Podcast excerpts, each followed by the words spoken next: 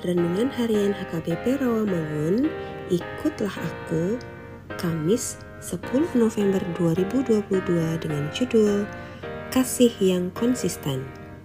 Bacaan kita pagi ini tertulis dalam Yohanes 6 ayat 24 sampai 33 dan bacaan kita malam ini tertulis dalam Daniel 7 ayat 1 sampai 15 dan kebenaran firman yang menjadi ayat renungan kita hari ini ialah Yehezkiel 20 ayat 41 yang berbunyi Seperti kepada persembahan yang harum aku berkenan kepadamu pada waktu aku mengeluarkan kamu dari tengah bangsa-bangsa dan mengumpulkan kamu dari negeri-negeri di mana kamu berserak dan aku akan menunjukkan kekudusanku kepadamu di hadapan bangsa-bangsa. Demikian firman Tuhan.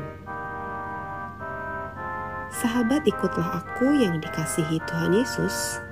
Jatuh cinta adalah perkara yang sangat mudah, tetapi mencintai secara konsisten butuh pengorbanan demi pengorbanan.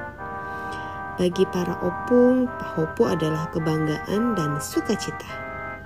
Pahopu adalah bagian dari sukacita pengharapan dan pencapaian dalam perjalanan kehidupan.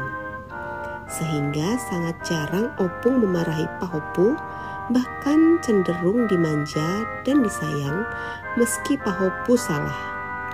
Kata orang Batak, dianju selalu. Kelihatan menyenangkan, namun sesungguhnya itu bukan kasih yang benar. Kasih haruslah membawa perubahan dan mendewasakan dengan menyatakan kebenaran. Syukurlah bahwa kasih Allah bukan seperti kasih opung. Terkadang Allah kelihatan kejam dan keras. Benar, Dia keras bagi orang yang dikasihinya untuk tetap berada dalam kebenaran dan kekudusan. Tidak ada tawar-menawar bagi kekudusan Allah. Dalam kesalahan, manusia akan dihukum, bahkan hukumannya keras dengan mengusir mereka dari rumah.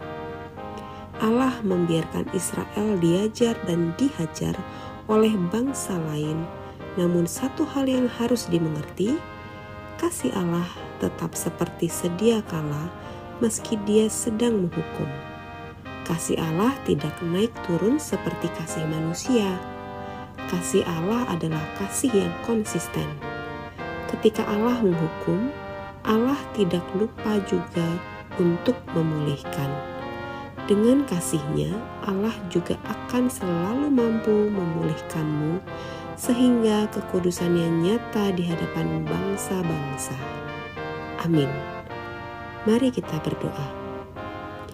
Tuhan Allah yang Maha Kudus, terima kasih atas kasih-Mu yang tak berkesudahan. Izinkanlah aku menikmati dan hidup dalam kasih setiamu dalam hidupku. Amin.